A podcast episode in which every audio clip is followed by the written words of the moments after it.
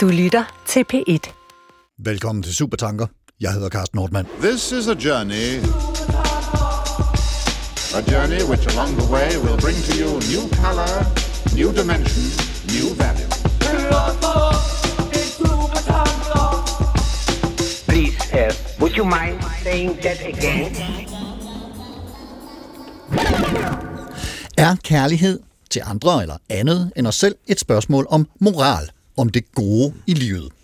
Den irsk-britiske forfatter og filosof Iris Murdoch, som levede fra 1919 til 1999, skrev i 1959. Kærlighed er forståelsen af individer. Kærlighed er den ekstremt svære erkendelse, at noget andet end ens selv er virkeligt. Kærlighed, og dermed også kunst og moral, er opdagelsen af virkeligheden. Og det er fra et værk, der hedder Det Sublime og det Gode. Kærlighed er den ekstremt svære erkendelse, at noget andet end ens selv er virkeligt. Anne Eggert Stævns, phd stipendiat i filosofi på Aarhus Universitet. Velkommen til dig. Mange tak. Du har øh, fremdraget det her Murdoch-citat om kærlighed og moral, og det at sætte sig selv til side. Vil du ikke fortælle, hvorfor vi skal snakke om, om uh, Iris Murdoch? Altså, hvad er din relation til hende, din kærlighed, om man så må sige til hende?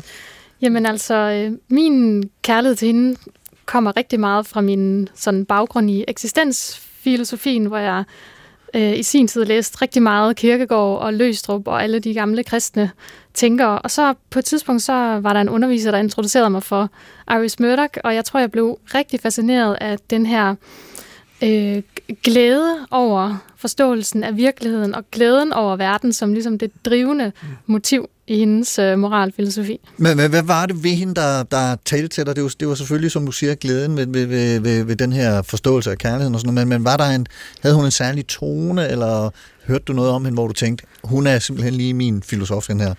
Øhm, jeg tror, hun havde en, en, en, et lysere syn på mennesket, end jeg, end jeg var vant til fra, ja. øh, fra som måske du havde behov for. ja, som jeg faktisk havde behov for. Ja. Altså, øh, Øhm, altså jeg var meget vant til at læse meget om mennesket som det syndige, og hele arvesyndslæren som en stor del af, af i hvert fald den kristne eksistens-tænkning. Og så tror jeg på en eller anden måde, mødte hun, hun reddede mig lidt fra afsynden, fra den, fra den negative antropologi. Ikke at hun er jubeloptimist, men, men havde dog en, en, et lys, som jeg var meget fascineret af. Men det er da også ret godt at gået, at hun har reddet dig fra afsynden. Det synes jeg da er meget godt. Ja, det synes jeg faktisk også er meget godt.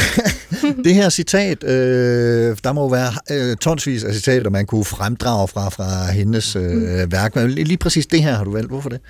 Øh, det har jeg, fordi jeg synes, det, det opsummerer rigtig godt øh, sådan kernen i hendes øh, filosofi.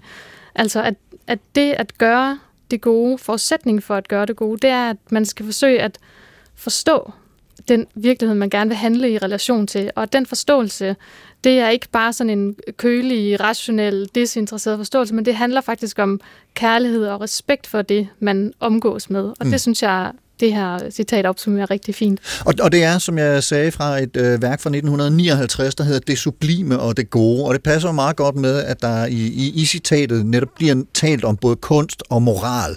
Lige øh, hvad, hvad, hvad er det her værk? Hvad er det for et, øh, det, det er et essay, hvis jeg har forstået det rigtigt? Ja, det er et ja. essay.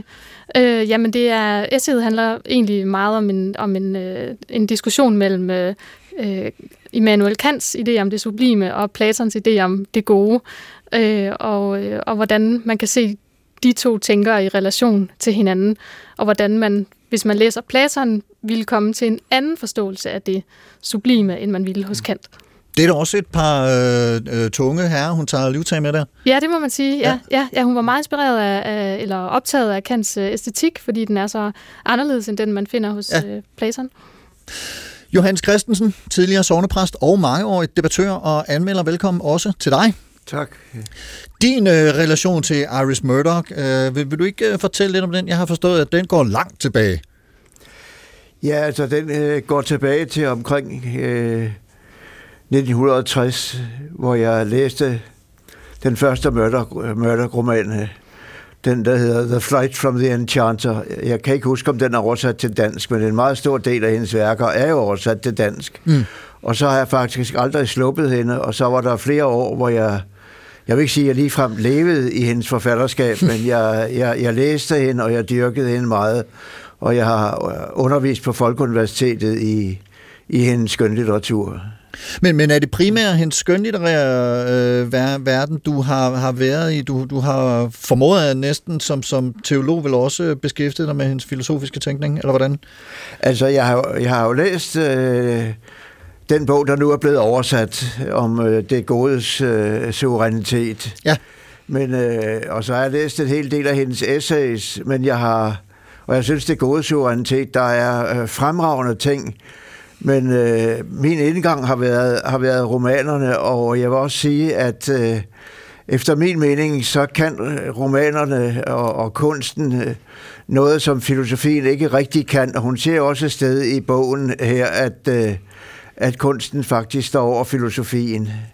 Ja, Øh, og det betyder ikke, at filosofien skal, skal underkendes, men kunsten kan anskueliggøre på en, øh, en anden måde end filosofien. Filosofien er jo abstrakt tænkning normalt, mens øh, kunsten er, er konkretion.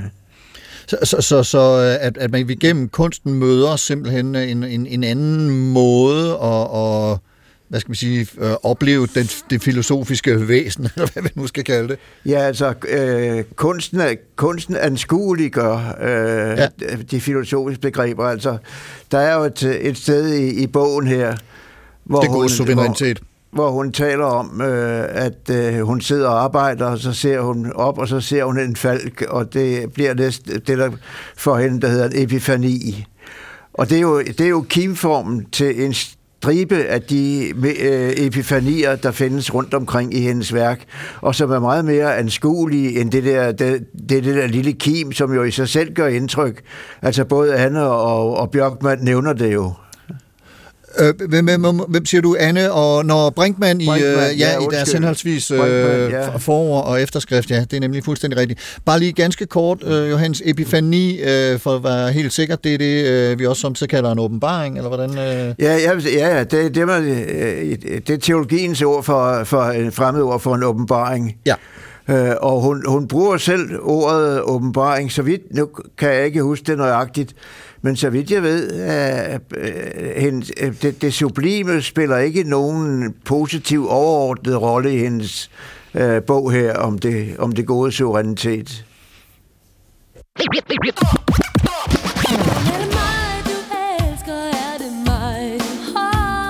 Er? Hvordan er det nu, den er? Den, der elsker, elsker mig, eller den, jeg elsker, elsker mig. Måske elsker jeg. Er det mest mig selv, som bliver gladere og føler mig mere helt ved hjælp af dig? Eller kan jeg tage mig selv ud af ligningen og se, rigtigt se dig? Er det mig, du elsker? Er det mig, du holder af? Be ready for instant. Prepared for anything and everything. Kærlighed er den ekstremt svære erkendelse, at noget andet end mig selv er virkeligt. Kærlighed, og dermed også kunst og moral, er opdagelsen af virkeligheden. En virkelighed, som jeg kun selv rigtig kan opfatte, hvis jeg ser bort fra mig selv. Ser bort fra mig selv. Og ser hen på dig. Og på virkeligheden. Og det er, som Murdoch skriver, ekstremt svært. For jeg er her også altid som aktivt elskende. Kærligheden er i mig, ligesom moralen, etikken, det gode i livet er i mig, udgår fra mig med min færden i livet. Der er bare det, at hvis vi hænger fast i os selv som verdens navle, som omdrejningspunkt, så hænger vi netop fast. Og så sidder vi som Platons huleslaver og erkender en verden, som er en skygge af virkeligheden. Og det er, som Murdoch med Platon siger, opdagelsen af virkeligheden, der er kærligheden, kunsten og moralen. Anne Eggert Stevens, Iris Murdoch, hun skrev det her med, at kærligheden er den svære erkendelse af, at der findes andet end en selv. Det skrev hun i 1959. Vil du ikke prøve at fortælle lidt om, hvilke tanker, der rumsterede rundt om hende, øh, måske i hende, da hun skrev det, altså hun skrev sig ind i eller op imod? Helt sikkert. Altså, øh, Murdoch, hun befandt sig jo i øh, Oxford på det her tidspunkt, øh, hvor hun var øh, underviser i filosofi, og var selvfølgelig omgivet af den tidsånd, der herskede øh, i filosofien på det tidspunkt. Og øh, for at sige det ganske kort, så var det en, en øh, tid, hvor man var meget optaget af den strømning, der hedder logisk positivisme, for eksempel, som, øh, som handler meget om at tale om virkeligheden som et sæt af neutrale fakta, som man, øh, som man kan undersøge empirisk gennem videnskab, og alt, hvad der ikke kan verificeres derigennem, det er ligesom meningsløst. Det er ugyldigt. Ja, Ja. Øhm, og så var man også meget optaget af øhm, hvad kan man sige, analysen af hverdagssproget, altså hvor man prøvede at bes- simpelthen bare beskrive, øhm, hvordan er det, vi, vi bruger sproget, øhm, og hvordan kan vi gøre det på så objektiv og neutral en måde. Så man kan sige, at hele paradigmet var rigtig meget værdineutralitet og objektivitet og, øh, og det, man også kan kalde antimetafysik, altså spørgsmål som, hvad er Gud, hvad er mening med livet, hvad er det gode liv, dem kan man jo ikke rigtig empirisk verificere, så de måtte ligesom ud af filosofien. Øh, og filosofien skulle hellere være, være en, en metavidenskab for, for den hårde videnskab. Men, men nogle af de folk, der var omkring hende netop på Oxford, det var jo blandt andre øh, filosofen Ludwig Wittgenstein, og jeg tror faktisk, han nåede at forlade universitetet lige inden hun øh, kom Ja, dertil. det er rigtigt. Men, men, men, men øh, altså, hvad var, hvad var det for nogle, altså var der øh, for nogle tænkere, der stod for den her øh, logiske positivisme, som, som øh, hun øh, på en eller anden måde anfægtede? Øhm, altså nogle af hendes øh, sådan særlige modstandere, som hun skriver sig op imod i sin essays, det er for eksempel sådan en som øh, Stuart Hampshire og øh, en, der hedder Iron Hare, øh, som, som meget stod for den her øh, værdineutrale og, og sådan hårde opsplitning mellem, mellem fakta og værdi. Øh, og det, deres værker er nogle, hun refererer til øh, løbende igennem sine essays. Og, og så, så, så trækker hun jo øh, den gamle græske filosof Platon ind i, øh, i, i sin ligning, om man så må sige.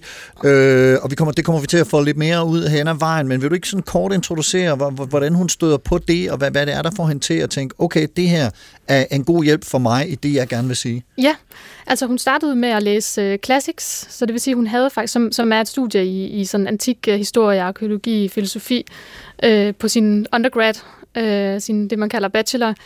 Øhm, og så på den måde var hun meget bekendt med, med hele sådan det græske univers, både historien og, og, og filosofien og øh, arkitekturen. Så hun havde ligesom en baggrund der, og så forlod hun faktisk universitetet for så at, at, at arbejde for... Øh, for FN under 2. verdenskrig. Og så havde hun simpelthen nogle, nogle helt forfærdelige oplevelser med, da hun var, skulle hjælpe i en, i en øh, flygtningelejr i Græs, og hun, hun simpelthen følte sig kaldet til, at hun måtte gå tilbage til, til øh, moralfilosofien. Øhm, og så, så havnede hun jo blandt alle de her Oxford-filosofer, som hun simpelthen ikke kunne... Øh, kunne øh, altså hvis man ikke kan tale om, hvad ondskab eller kærlighed er, eller, eller det gode liv, hvad, hvad kan man så? Det er jo det, der er det vigtige. Øhm, så det var det, der sådan satte hende, satte Og, hende og som hun for alvor var blevet konfronteret med øh, under, Ja, under krigen lige præcis, der. og det var nogle meget konkrete erfaringer. Og så, så begyndte hun jo så at forsøge at, at, at geninstallere de her øh, metafysiske spørgsmål øh, om godhed, ondskab, hvad er virkeligheden overhovedet, er, er sandhed godt? Øh, alle de her ting, som hun, som hun jo egentlig mener, at de andre også forudsætter, de har jo også en forudsætning om, hvad virkeligheden er, og hvad der er værd at undersøge. Men det vil man bare ikke tale om, og det vil hun gerne tale om igen. Og det skrev hun så altså det her essay om i, i øh, 1959, og året efter, øh, Johannes, fortæller du, at der stødte du på hende øh, ved, ved at læse øh, den her, hvad var det, The Flight of the Enchanter hedder den det? Ja. Øh, Altså flugt, flugten fra fortrylleren eller forføreren. ja. Og, og, og det virker på mig, som om du har læst stort set hele hendes forfatterskab, hvis ikke det hele. Vil, vil du ikke prøve at give os en, en, en kort indføring i, øh, gerne under inddragelse af det, vi hører Anne her fortælle, øh, altså i hendes skønlitterære univers, hvad er det, hun kredser om der? Jamen, det, der kredser hun øh, om, øh, om de vildveje, øh, men, mennesker går. Øh, og de, de er mange. Men samtidig er der en, øh, en modvægt med øh, skildring af, af, gode, af gode mennesker. Altså for eksempel i den fremragende roman, der hedder Æren i, i behold, der er der en person, der hedder Talis, som er indbegrebet af det gode menneske.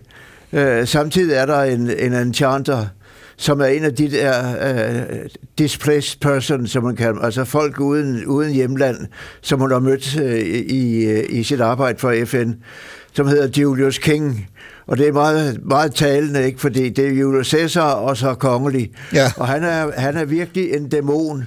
Og der er der en pige, som øh, er en stor beundrer af Turner, øh, med den store maler, den store engelske maler. Og øh, så står hun sammen med denne her Julius King, og han rakker Turners billeder ned, fuldstændig øh, manisk næsten.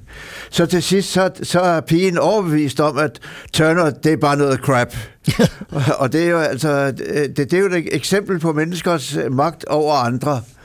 Øh, og, og så vil jeg sige også, at, øh, at øh, grundlæggende i hendes, øh, i hendes øh, forestillinger om øh, dette at, øh, at øh, blive befriet for selvet, der er der en myte, som øh, hun øh, dyrker meget, og der findes et fremragende maleri af hende på National øh, Portrait Gallery i London. Og da det skulle males, der bad hun om at få en del af Titians billede af Marcius, der flås. Og Marcius var en satyr, der hævdede, at han spillede lige så godt som Apollon.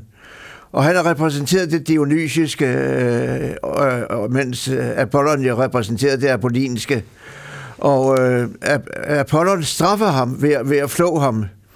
Og et af de steder, øh, den dukker op, det er i, hos øh, i Ovids Metamorfoser, hvor Marsyr siger til Apollon, hvorfor flår du mig fra mig selv? Og ja. det er altså det er så et urbillede på det at blive befriet fra sig selv. Øh, at at, at, at øh, blive fri fra sine egoistiske interesser og sine egne hensigter, sine egne drømme og sine egne forsøg på at gøre sig gældende. Men det lyder som om, det er noget, der sker under ret stor pinsel. Det, det, øh... Jamen, det er det. Ja. Øh, og, og epifanierne, altså... Øh, nu det der citat om kærligheden, der er der altså mere at sige om kærligheden, fordi yderst ude, yderst ude i det skønlitterære forfatterskab, der knyttes kærligheden til døden. Okay. Øh, i, øh, I den, der hedder Bruno Strøm, der er der en kvinde, der sidder og holder en døende i hånden, og hun har konflikter i familien, og pludselig så føler hun, hun kan se verden anderledes. Hun kan se husene, som hun aldrig har set den før, blomsterne i vinduet. Og der står så, at kærligheden vokser i hende, og alt falder bort, og til sidst er der kun kærligheden. Og i det øjeblik dør den gamle mand, hun holder, hun holder i hånden. Og på samme måde i, i enhjørningen, der er der en ret en nar, som er ved at omkomme ude i en mose, og han oplever derude den befrielse, at øh, han fyldes af en, øh, af en øh, øh, accept af, af, af døden og kærligheden som, som det eneste holdbare i hele, i hele livet. Øh, og og øh, jeg mener, det, det aspekt skal, skal, skal man have med. Og, og vi kommer selvfølgelig til at udfolde netop, hvad det er, uh, Iris Murdoch siger med det her citat mere her om, ja. om et øjeblik. Men det lyder jo som om, at den her scene bort fra sig selv, eller erkendelse af, uh, eller prøve at skrive sig selv ud af ligningen, er, er både pinefuldt og kan faktisk uh, muligvis resultere i døden også, eller noget, der først kan jo, ske det, det på, det, jo, på den yderste... Ja, men det er jo ikke nødvendigvis den fysiske død. Det er oplevelsen Nej. af, at uh, jeg er ikke noget. Jeg, jeg, er et, for, jeg, jeg er kun et fnuk mellem himmel og jord, øh, som der står en berømt sang. Øh, og det, det, det, altså det, er det, der, det, det er det, der betyder noget. Og der vil jeg sige, hele hendes forestilling om, øh, om, øh, om selvet, Øh, nu nu øh, siger Anna, at, at du er glad for at være sluppet for afsynden. Men øh, et fænomen forsvinder jo ikke, fordi man, man siger, at nu afskaffer vi det. Og Anders Møller bruger selv både afsynden og synd og siger, at det er en fejl, man har set bort fra det. Altså både på side 71, både på side øh, 81 og side 78 i, i jeres bog. Øh, og der vil jeg sige, at arvesynden er jo netop det. Altså arvesynden er ikke en moralsk kategori. Arvesynden er en ontologisk kategori, som udtrykker det, at vi altid har os selv i tankerne at vi altid ser verden centralt perspektivisk. Vi ser verden som et filmkamera, der drejer, øh, panorerer rundt om sig selv. Og det er, altså, det, det er afsynden.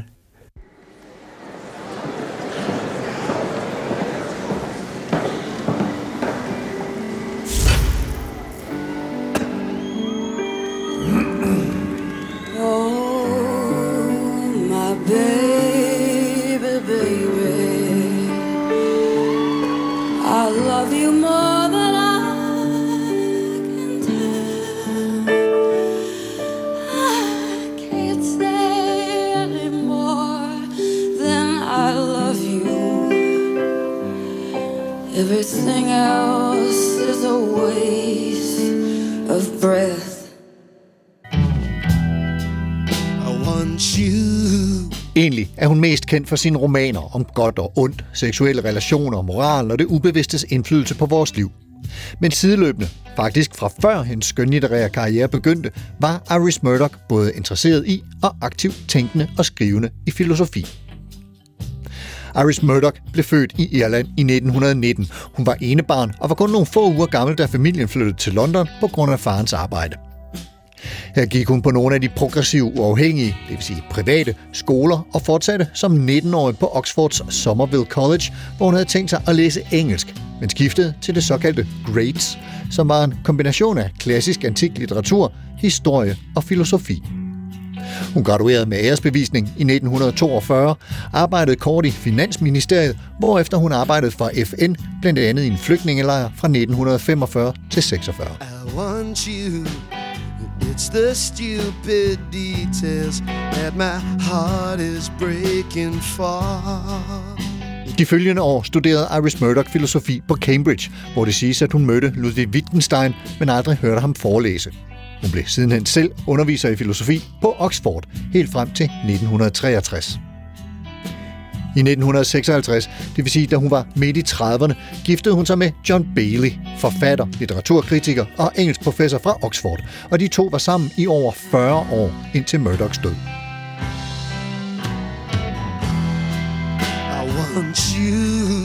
Bailey synes angiveligt, at sex var ubeskriveligt latterligt, så Murdoch havde adskillige affærer med såvel kvinder som mænd, med Baileys vidne og samtidig som vidne. Iris Murdoch debuterede som romanforfatter i 1954 med bogen Under the Net, men før det havde hun publiceret flere filosofiske essays og den første monografi på engelsk om filosofen Jean-Paul Sartre. Hun skrev i alt 25 romaner, poesi og drama og flere filosofiske essays. I 1997 fik Iris Murdoch diagnosen Alzheimers, og i 1999 døde hun i Oxford.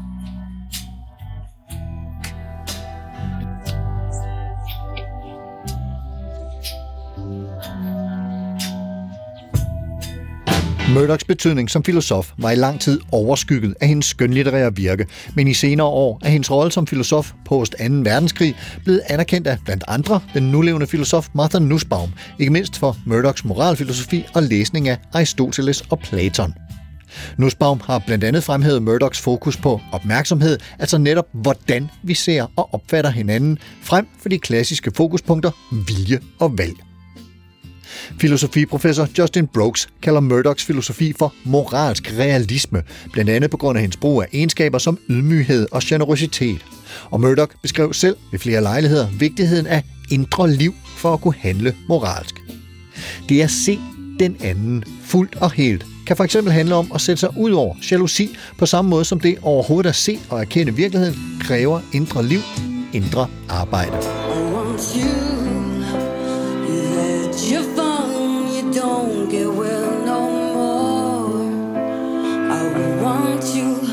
Your fingernails go dragging down the wall.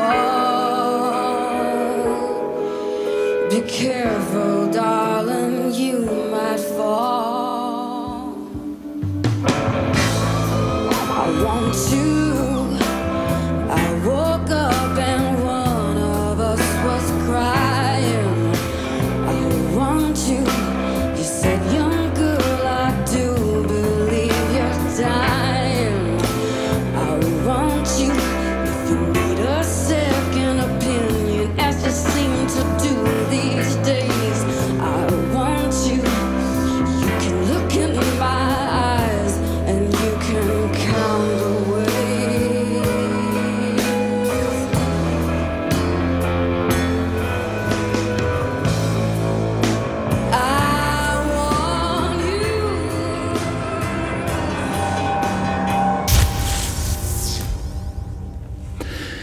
Ja, jeg bliver lige øh, lidt hos dig, øh, Johannes, fordi øh, godt tænke mig at høre lidt om, hvordan de her to verdener, nu var du lidt inde på det omkring Arvesøn, hvordan hendes to verdener, altså det filosofiske og det skønlitterære, spiller sammen øh, i, i, i dine øjne. Hvad, hvad, hvad, hvad kan du fortælle os om det?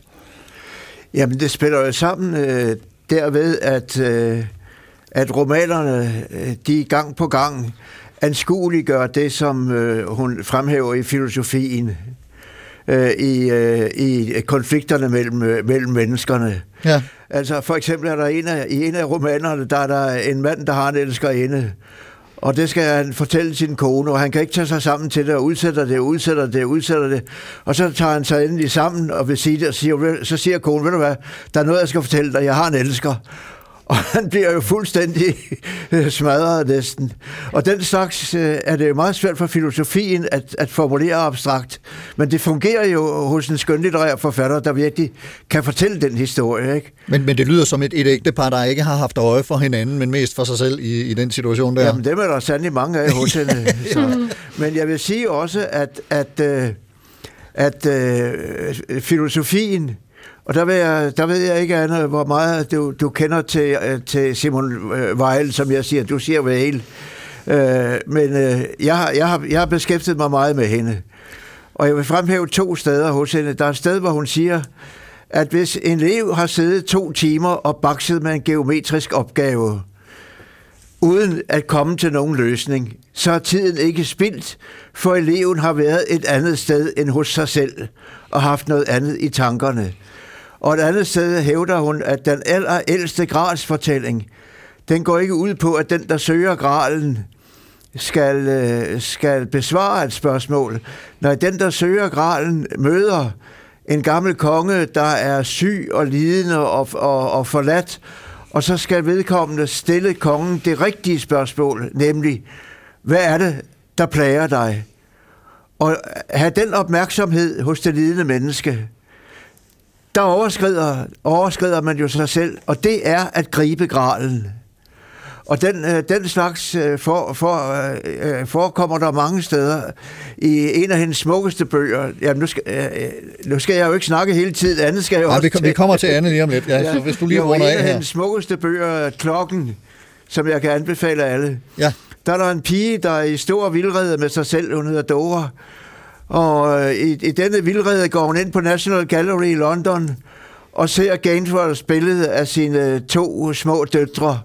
Og det bliver simpelthen en befrielse og en åbenbaring, ja, en, pef- en, Endnu en epifani for Dora. Ja. Pludselig tænker hun, jamen nu, vil, nu har hun mod og kræfter til at se virkeligheden, som den er. Ikke som den har flimret for hende fuldstændigt, men nu ved hun, at der er noget, der er virkeligt, og hun kan forholde sig til noget, der er virkeligt.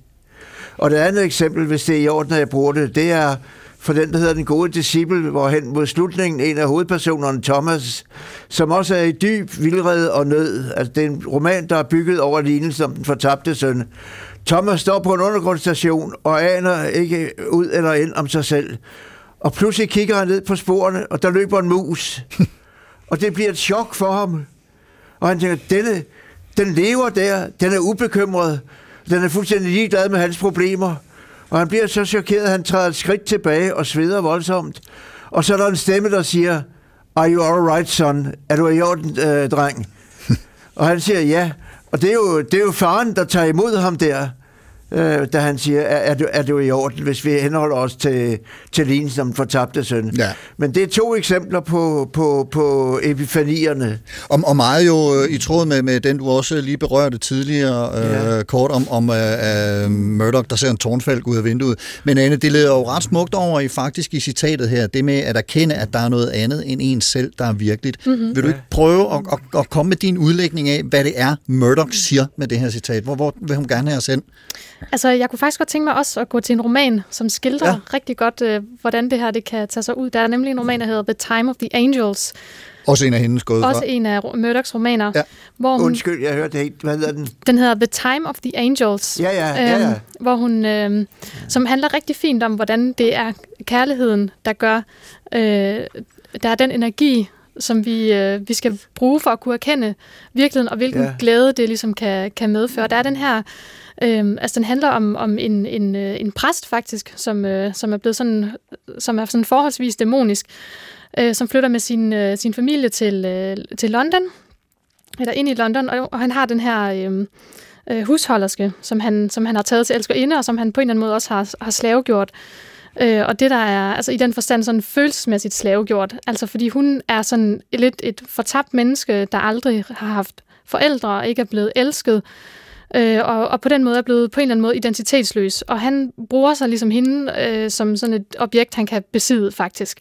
Øh, så hun er blevet fuldstændig afhængig af ham.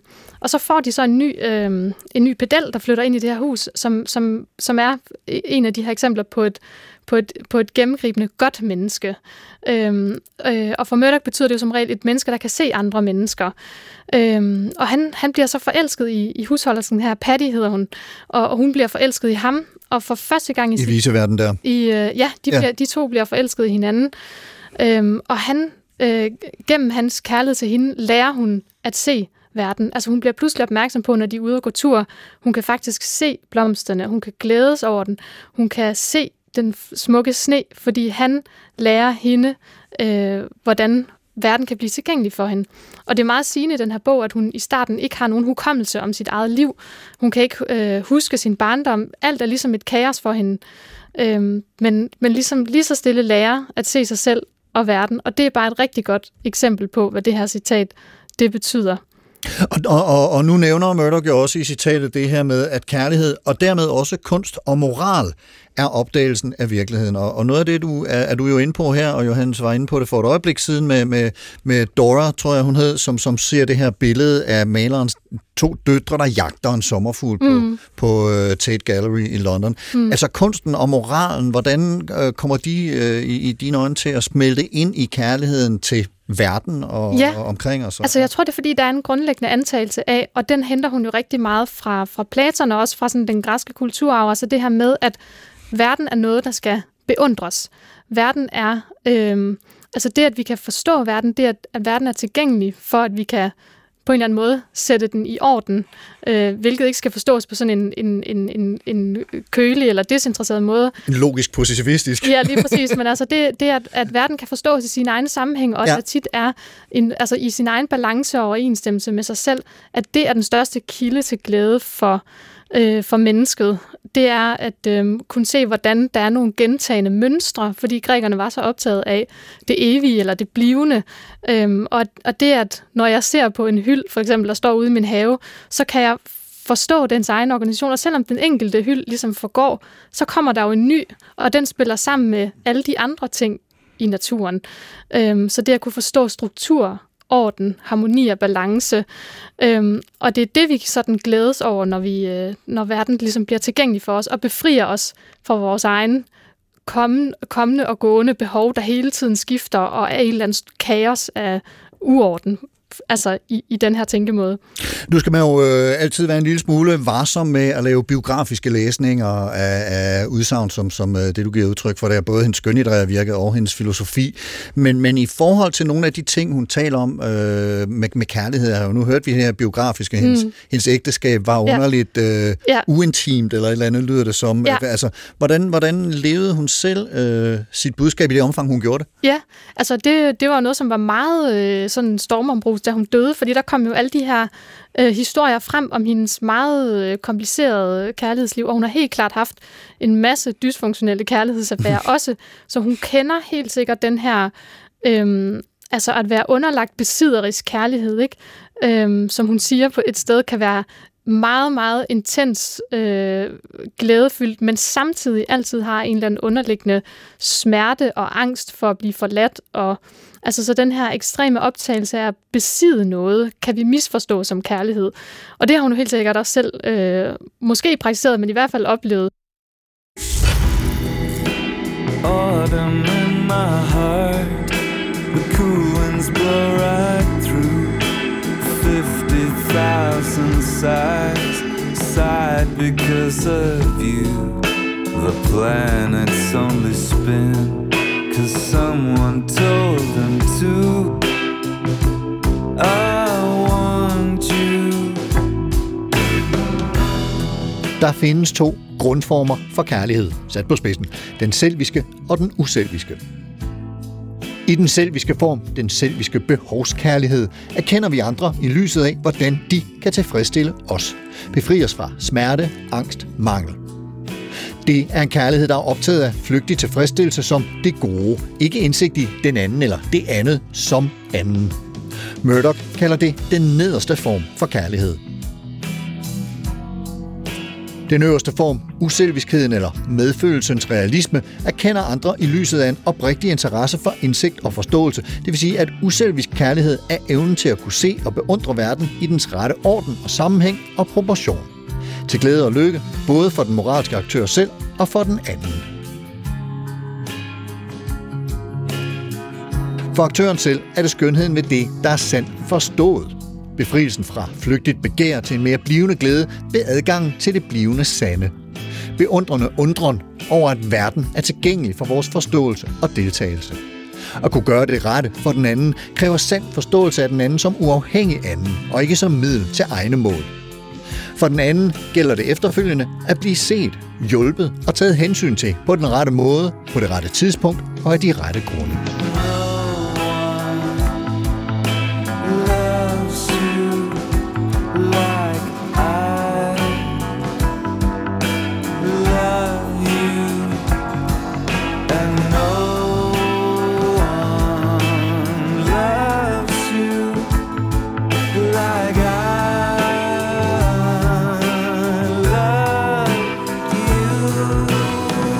Murdoch skriver, citat, Sjælens befrielse fra fantasien består i evnen til kærlighed, det vil sige i evnen til at se.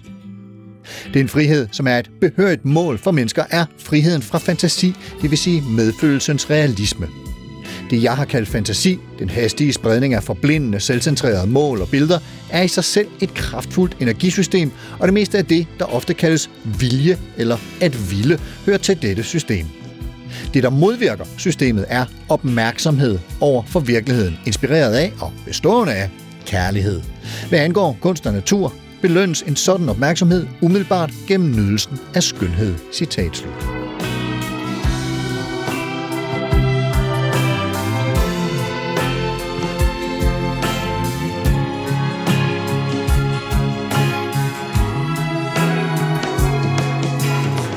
I Platons hulelignelse hører vi om fangerne, der sidder i en stor grotte, bundet fast til en plads og en blikretning, der kun tillader dem at se hulens indervæg. Bag de fastbundne fanger lyser et bål op og fremkalder skygger på bagvæggen af figurer, der bevæger sig frem og tilbage over væggen. For fangerne er dette virkeligheden. Den eneste virkelighed, de kender og nogensinde har kendt og vil kende. Og dog. En af fangerne kommer fri og kan først vende sig rundt og dernæst bevæge sig ud af hulen. I første omgang bliver han dog blændet af lyset fra bålet, og de figurer, der har kastet skygger på bagvæggen, synes underligt uvirkelige i forhold til den virkelighed, fangen har kendt hele sit liv. Dernæst kommer fangen ud af hulen og bliver blændet af solen, i en grad, så han faktisk ikke kan se noget. Langsomt vil han dog ane de mørkeste former som skygger, og siden vil han kunne se lysere og klarere genstande. Det sidste, han vil kunne se, er solen. Og han vil først med tiden forstå, at det er den, citat, der skaber årstiderne og årets gang, som hersker over alle synlige ting, og som på en vis måde er årsagen til alle de ting, de har set. Platon citat slut. Kærlighed, siger Murdoch, er befrielsen fra illusionen i Platons hule til lyset udenfor. Hos Murdoch repræsenterer selvisk fantasi den blinde fange i hulen, og medfølelsens realisme den oplyste, undslupne fange ude i solens lys.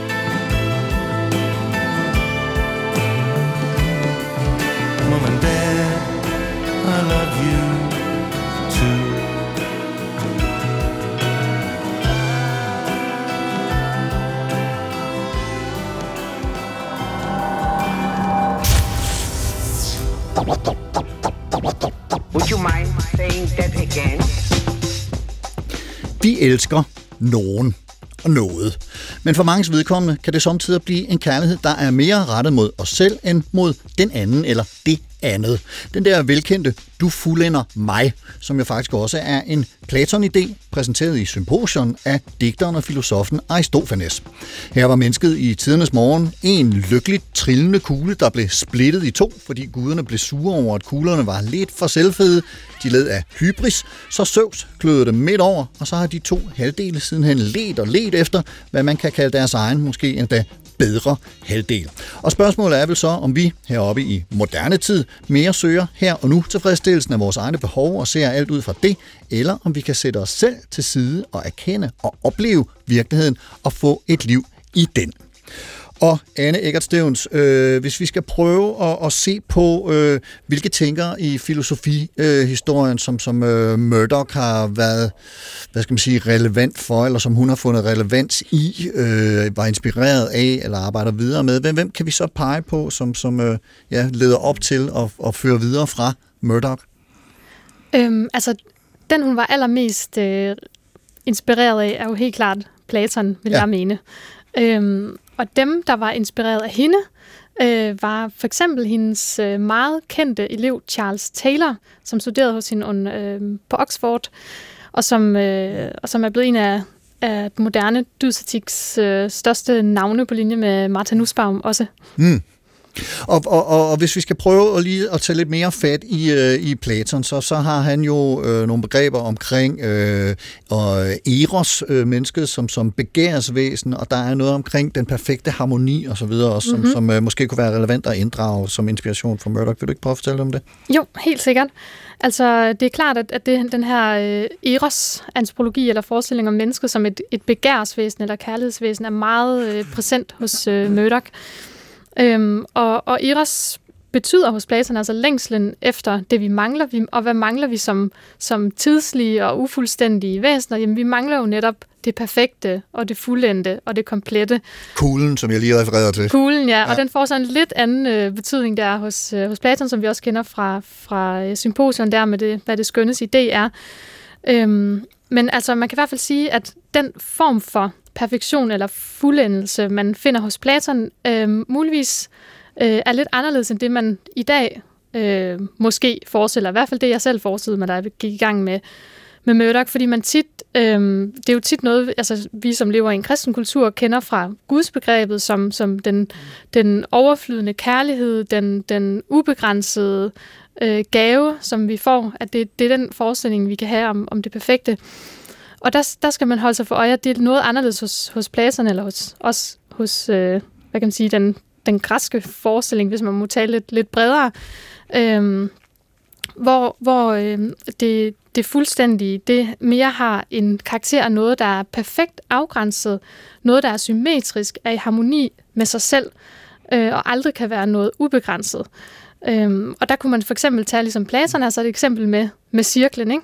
Som, øh, som øh, den perfekte geometriske figur. Altså der har vi, der har vi et noget, som, som er øh, fuldstændig i overensstemmelse med sig selv, perfekt afbalanceret. Man kan aldrig tage noget fra det, eller lægge noget til det, uden at ødelægge dets harmoni med sig selv.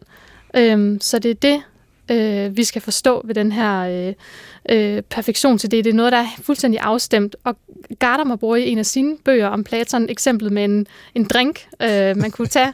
En, Lidt mere jordnært. Lidt mere jordnært, altså en gin og tonic for eksempel. Altså hvis der er- den, den skal simpelthen have den perfekte afstemthed. Der skal være så og så mange centiliter gin, og så og så mange centiliter tonicvand, for at det præcis bliver en gin og tonic. Altså hvis der er for meget for hvis der er for meget gin i, så er, der, så er det jo ikke en gin og tonic, så er det jo bare en gin med lidt et eller andet i. Og hvis, det er en, hvis, det er en, hvis der er for meget tonic, så, så bliver den ligesom for tynd, og så, er der ikke, så, så, er det, så bliver det heller ikke en gin og tonic. Så ideen om det fuldendte, det er det, som, som, som er fuldstændig afbalanceret. Øhm, ja, og, og Murdoch taler tit om det her med en, en perfektion af form eller formfuldenhed, som vi også kan møde i, i naturen, hvad end det er en, en, øh, en plante eller en fugl, som ligesom synes at være, som synes at være i, i, i de rette proportioner og, og ligesom være en perfekt afrundet helhed, som vi kan få den her intuition af, er noget perfekt, som, som bringer en eller anden umiddelbar glæde hos os. Men, men er pointen her, at, at vi er nødt til at erkende den her perfektion uden for os selv, for at kunne opleve den øh, til fulde? Altså, at vi er nødt til at glemme os selv og vores behov for en chatonic mere, eller lidt mere, altså, at, at, at vi er nødt til at leve os ind i den harmoni uden for os selv, for at det øh, for alvor går op for os. Altså, der er klart også en idé om, at mennesket også, menneskets opgave er også at harmonere sig selv Ja. i virkeligheden. Fordi mennesket har ligesom to dele, og den ene del, det er den her behovs øh, tilfredsstillelse, som altid bare vil have mere og mere og mere. Men så er der også fornuftsdelen, eller den del os, som kan erkende virkeligheden, og det er den, der skal, der skal regere over behovene, om man så kunne sige. Og hvis vi gør det, så bringer vi også os selv i harmoni. Øh, Så det at erkende virkeligheden, det er samtidig også at bringe sig selv i harmoni, fordi man holder de, hvad kan man sige, ukontrollerede behov, altså den der mere vil have mere i ave. For det er ikke sådan, at man ikke må tilfredsstille basale behov for mad, nærvær, sex. Men der er en tendens til, at hvis man ikke øh, omgås dem med måde, så kan, man, så kan de løbe af med en. Mm. Altså, så kan man blive magtbegærlig, man kan blive sexafhængig, man kan blive drug addict, alt muligt. Og, og hvad siger du, Johannes, øh, til det her, både omkring øh, inspirationskilder til Murdoch og, og nogle af hendes aftager, og, og, og noget af det, øh, Anne taler om her med at anerkende harmonien og, og, og prøve at blive en del af den. Hvordan øh, hører du? Aftager, der har jeg ikke noget, noget begreb om. Øh, men øh, jeg, jeg vil lige indskyde i forbindelse med øh, hendes, øh, hendes privatliv.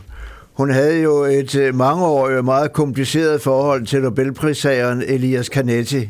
Okay. Og han, er, han, bliver, han bliver forbilledet for alle, for de dæmoniske mandskikkelser i, øh, i, i, i, i romanerne. Øh, og og det, var nærmest øh, et, et sadomasochistisk forhold. Og John Bailey, øh, han, han skrev en bog om Morris Murdoch efter, efter hendes død. Og der kalder han Canet der digter, og han kan ikke fordrage der digter. så det, så, men jeg vil så sige, også sige, altså, Anne har jo ret, øh, men og, øh, altså, kærligheden, det er, jo ikke, det, er jo ikke, det er jo ikke bare det, kærligheden til et andet menneske, eller kærligheden til, til naturen osv., men, men kærligheden er, er, er kærligheden til det fuldkommende, til det skønne. Og i, øh, i symposien, der skildres Eros, som en øh, dreng, der er fattig og elendig, og han sover på gaden, og det, øh, han har ingenting. Men samtidig så stræber han, så stræber han øh, voldsomt efter, efter, det, øh, efter det skønne. Og det er den stræben, der, der er den, der, der, er, der, der er kærligheden. Øh, sådan at kærligheden er ikke nødvendigvis mellem mand og kvinde, men den er, den er meget, meget øh, videre. Fordi kærligheden mellem mand og kvinde, eller mellem mennesker, den har altid et element af, af besiddevilje i sig, og det vidste hun jo aldeles ud, udmærket, ikke? Og så vil jeg tilføje, hvis det er i orden, at, at, at uh, svarende til Marcias-myten, der flås, der er der sådan i symposion, at uh, Platon kaldes en silen. Og en silen, det var en figur. Altså Sokrates øh, var berømt for ikke at være særlig pæn. Okay. han, var, han var en lille klumpet mand. Øh, og en silen, det var en figur, som var meget grim i det, i det, i det udvendige. Men hvis man lukkede den op, så var den fuld af skønhed indeni. Og det vil sige, at, at får man aflagt de, de selviske impulser, den øh, tvang det er, at man ustandsigt ser øh, verden fra sit eget øh, perspektiv og sine egne ønsker og interesser. Får man aflagt det, jamen så viser der sig en stor, stor skønhed. Og den findes jo altså hos enkelte af personerne i romanerne. Og det beskrives også rundt omkring i de filosofiske essays. Mm. Ja, jeg har øh, læst flere steder, at, at øh, et af de øh, eksempler, som øh, Murdoch giver, det er en, en, en svirmor og denne svirdatter, og ja. noget om den transformationsproces, der sker i, i ikke mindst svirmorens øh, anskuelse af svirdatter. Måske, øh, Anne, du lige vil øh, hurtigt gengive den, øh, fordi den passer egentlig meget godt ind i det her. Ja, jamen den handler om, om øh, den her svirmor, som, som har fået sig en svirdatter, hun ikke er helt tilfreds med.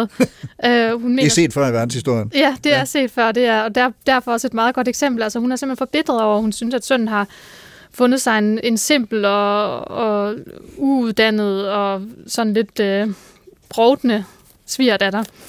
Øh, og så prøver jeg at beskrive, hvordan altså den her indre øh, bevægelse hos svigermoren, hun forestiller sig, at, at svigermoren faktisk er i stand til at være, være ærlig og oprigtig, og simpelthen beslutter sig for, okay, måske, øh, måske er det mig, der er gammeldags, måske er det mig, der ikke, der ikke øh, der ligesom sætter mine egne behov og forestillinger øh, først, og, og ikke ligesom prøver at forstå det her menneske, som hun nu engang er. Og så viser hun ligesom, hvordan det er muligt for os, øh, hvis, vi, hvis vi oprigtigt er motiveret af at være ærlige. Altså hun siger, det kan jo også, der kan også være en mulighed for, at, at en svigermor bare ligesom vil fortrænge sin egen ulykke og sige, så bilder jeg bare mig selv ind, at øh, hun er fin nok. Men hun mm. forestiller sig et eksempel, hvor det her faktisk ikke er tilfældet, hvor, hvor hun beslutter sig for, nu vil jeg være retfærdig over for, for det her menneske, og hvordan det så er muligt at, øh, og faktisk at komme til at, og, øh, og se, hvor, hvor fordømmende hun selv var, og ved at lægge sin egne, sin egen fordømmelse og sine egne behov til side, faktisk kan se, øh, at måske var svigerdatteren i virkeligheden ikke så brovdende, som hun forestillede sig,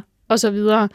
Øhm, ja, så det er sådan et, et billede på en moralsk udvikling i en positiv retning. Det kan jo selvfølgelig også gå den anden vej, og man bare beslutter sig for, at det her menneske er en idiot, og så, så ender det sådan, ikke?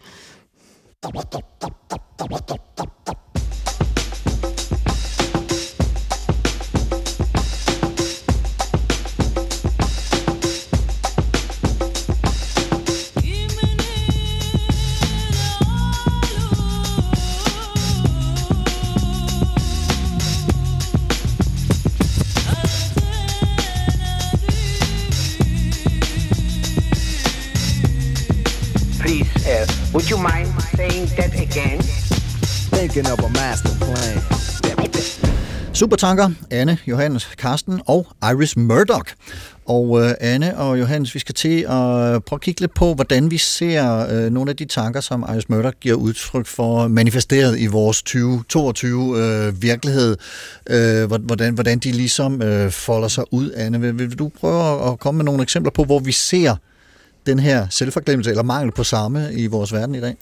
Ja, altså øhm, et sted, hvor man i hvert fald kan, kan se, der er et problem eller, eller en mangel på, på den form for selvforglemmelse, Murdoch gik ind for, det kunne være i, i øhm, altså, både i vores øh, ekstreme sådan forbrugskultur og også hele vores sådan, sociale mediekultur. Altså når man forstår den på den måde, at den bliver en jagt på, på hurtig anerkendelse, på Altså likes og... på jagten på likes, øhm, hvor, hvor produktet eller, eller hvor fænomenet er en selv hele tiden.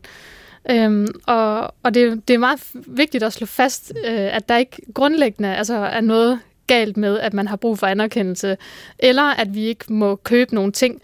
Øh, problemet er, øh, når de her behov ligesom får deres eget liv og begynder at løbe af med os. Øhm, og øh, og så, så glemmer vi simpelthen verden udenom om os og bliver fuldstændig optaget af vores egne behov. Og der var Murdoch bare en kæmpe stor fortaler for uddannelse, altså optaget af noget uden for sig selv, som, som noget, der kan give kilde til en, til en meget mere oprigtig øh, glæde. Øh, fordi den her, den her egne behovs, øh, eller stigning af egne behov, egentlig fører lige så meget til ulykke og, og smerte, fordi vi aldrig kan få nok. Hmm. Hvad siger du, Johannes? Hvor, hvor, hvor synes du, øh, vi kan se øh, nogle af de her tanker, Iris Murdoch Ja, formulerer manifesteret i dag? Der findes øh, en skælden, som øh, går tilbage til Coleridge, øh, mellem øh, fantasy og imagination. Ja, Og imagination, kan man sige, det svarer måske nærmest til Grundtvigs forestilling om indbildningskraften. Men fan, fantasy, det er fodringen af, af, af det, man gerne... Af, af, af stimuleringen af selvet. Og der vil jeg sige, at en del af, begrænset, hvor meget moderne dansk øh, skønlitteratur jeg kender, men en del af moderne skønlitteratur er jo altså udpræget fantasy. For eksempel i, sek, i, i, i sexskildringer, som folk øh, lapper i sig. Der er lige kommet en svensk roman om Silvia Plath og, og, og Ted ægteskab. Øh, og den øh, roman går meget, meget, meget tæt på deres sexliv. Aha. Og det er jo så noget, man kan sidde og lappe i sig som, øh, så, så, som læser. Mens uh, Imagination, jamen det der præger, det det, der præger den, øh, der efter uh, Platon står højst på hendes uh, rangliste, nemlig Shakespeare. Og specielt King, King Lear, som hun uh, sætter som skuespillet over dem alle sammen, fordi der er der virkelig imagination, der er der, der, er der virkelighed øh, i, i, i allerhøjeste grad. Og der mener jeg, at vores kultur med ugeblade og masser af tv og alt muligt, altså den er øh, anlagt på at stimulere fantasy. Altså, øh, ja. Øh, Fortsæt. nej, men det var, det var sådan set, hvad jeg ville Okay, sige. Anne, ja, du har Ja. ja. Jamen, jeg vil bare supplere og sige, at, at, øhm, at øh, det, det går rigtig fint i, i, i spænd med, med det, Murdoch siger. Altså, øhm, at, de her, at det her fantasy-element også handler rigtig meget om at give os det, vi vil have lige nu. Ja. Øhm, og det kan vi få gennem hurtige kliks og, og, og, og, og sådan øh, fatale overskrifter øh, og så videre, hvor at, øh, den mere komplicerede virkelighed, den, den skal vi øh, koncentrere os og, og give noget mere selv for, for at opnå. Og det var simpelthen det sidste, vi nåede i dag. Det var dagens super optankning. Vi er på vej mod land. Anne Eggert Stævns, Ph.D.-stipendiat i filosofi på Aarhus Universitet. Tusind tak, fordi du kom og foldede Iris Murdoch og hendes filosofiske virke, ikke mindst om kærligheden og moralen ud for os i dag. Jamen selv tak. Og Johannes Christensen, tidligere sovnepræst og mangeårig debattør og anmelder. Tusind, tusind tak også til dig for at udfolde dine overvejelser ind i de her spørgsmål. Tak skal du have. Og som altid, masser af tak til jer, kære lyttere. Husk, at man kan høre og genhøre den her udsendelse i DR Lyd på app og webside, og man kan se anbefalinger fra Johannes og Anne og en musikplayliste og skrive ris, ros eller kommentarer på Facebook-siden Carsten Ortmann Radio eller på e-mail supertanker og hvis du kan lide, hvad du hører, så husk at dele det med venner og familie, dem du elsker ude i virkeligheden. Og programmet i dag var tilrettelagt af mig. Jeg hedder Carsten Nordmann. Programansvarlig er Mette Line Thorup. Ha' en rigtig god uge og på genhør.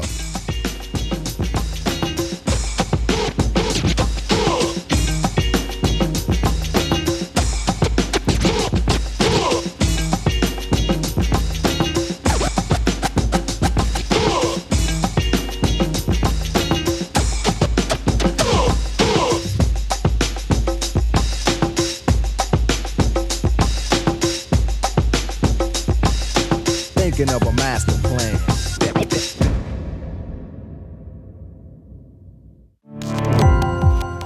Gå på opdagelse i alle DR's podcast og radioprogrammer. I appen DR Lyd.